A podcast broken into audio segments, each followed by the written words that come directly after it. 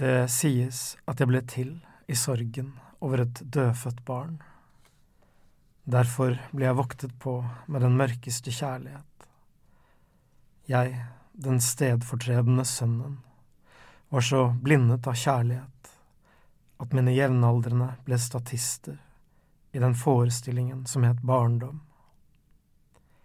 Fedrene spredte et rykte om min pikelighet og dømte meg for den. Når jeg tenker på det, forbanner jeg alle fedre og alle som fører slekter videre.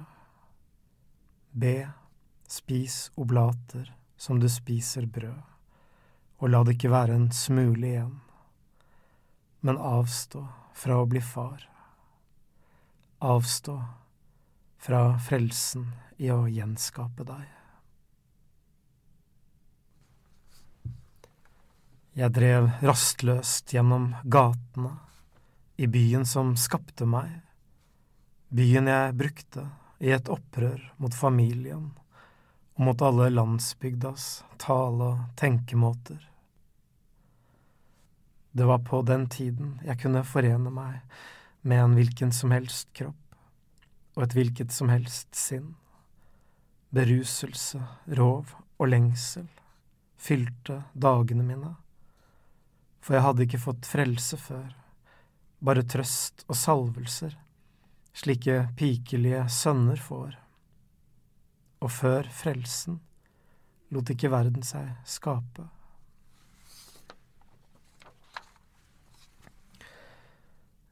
I mine foreldres hus fant jeg bare ro om nettene. Om dagen hadde jeg mine skjulesteder i skogene og i heiene og jeg elsket med meg selv i det høye gresset.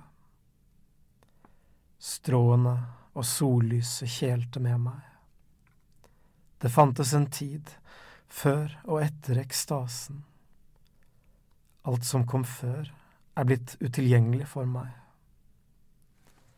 Igjen kaller jeg en drøm, kaller jeg meg noe annet, som Sebastian, Ariel eller Mikael navn som konnoterer til blod, luft, vanvidd og død.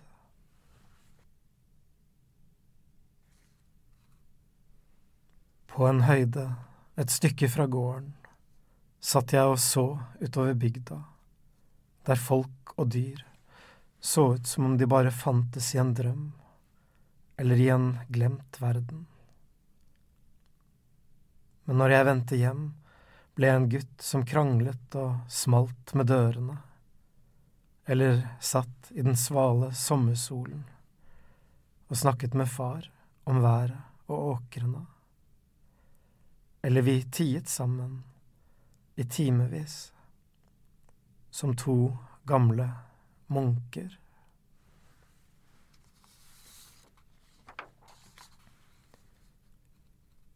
Jeg skal aldri bli far. Jeg skal avvikle meg selv.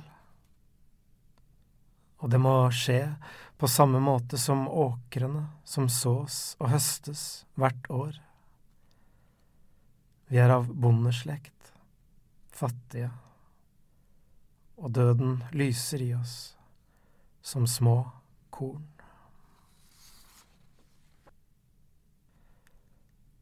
Lyn bare noen dager før far fikk det siste hjerneslaget, kjørte han meg til landbruksskolen, der han hadde studert som ung. Han ville vise meg den kua som var albino, og som noen hadde skrevet om i lokalavisen. Vi satt lenge og ventet på at den hvite kua med de røde øynene skulle vise seg. Vi så henne først i sol, siden i regn, til slutt i det brå lynet som skar gjennom luften.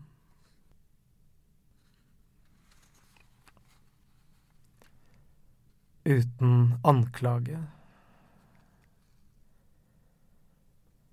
La oss snakke om våren Tiden da alt flommer over og fødes på ny. Våren flår oss med sin frelse, og min dødslengsel kaster lengre og lengre skygger langs veien. Så la oss snakke om høsten i stedet. En lommelykt lyser inne i et falleferdig hus. Et villdyrs øyne blir synlige i krattet. Rognebærene modner i skogkanten, som mitt bilde av deg, og ditt av meg. Om kveldene slutter hendene mine seg i hverandre, i bønn eller hvile. Kjærligheten går i ett med arbeidet, og rommer ikke lenger noen anklage.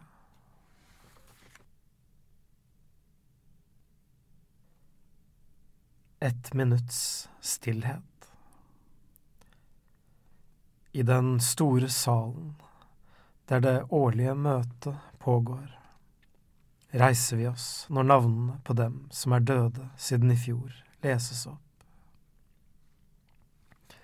Andaktsfull folder jeg hendene mens jeg ser ut på jordene og engene utenfor. Solen lyser, ei elv glitrer i det fjerne, og bortenfor elva står hestene. Jeg ser inn i nakkene som bøyer seg for de døde, som gresstråene bøyer seg, som hestene på engene, som lyser inn gjennom de store vinduene som alles sjeler bøyer seg. Et minutts stillhet, og igjen rasler det i papirene, nesten før hendene blar i dem. Selvportrett sommeren 2018. I de lyse sommernettene lusker kattene rundt i åkrene for å føde, og fugletrekket lyder som en syk manns tale. Min ensomhet tar aldri slutt, men jeg vil ikke lenger kjenne meg overlegen eller underlegen noen, bare være et menneske ved siden av.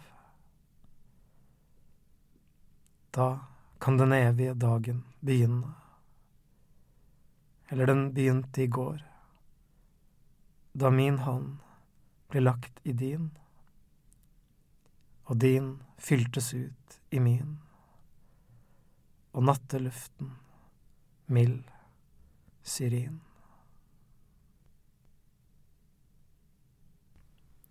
Kan fortvilelsen finne en himmel, lengselen en jord? Mystikerne skriver at vi skal takke for ydmykelsene, for det er de som kan føre oss nærmere Gud. Men på hvilken måte gjelder dette for dem som lever aller nederst? Mystikernes ord er allerede innlemmet i en himmelsk orden. Tankene deres er som solgult gress rett før det igjen skal bli jord. Tankene deres er som lignelser skrevet i luften. Frølager. Skal vi frelse oss selv, må vi bli usynlige, som de summende biene inne i den gule rapsen. Fars sprukne neve, full av frø, åpner og lukker seg inn i uendeligheten. Et elsket menneske, fremdeles elsket, men i ferd med å bli et minne, også når jeg ser ham sitte rett fremfor meg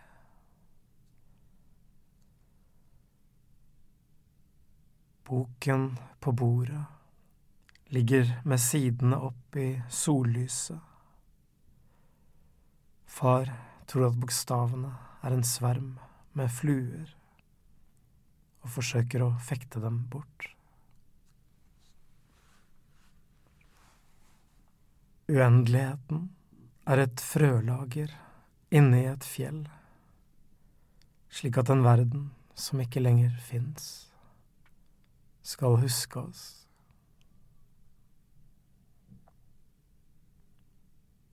Hvitveisene lyser langs motorveien ut av byen. Engleskarer brutt ut av vårens askefargede snø.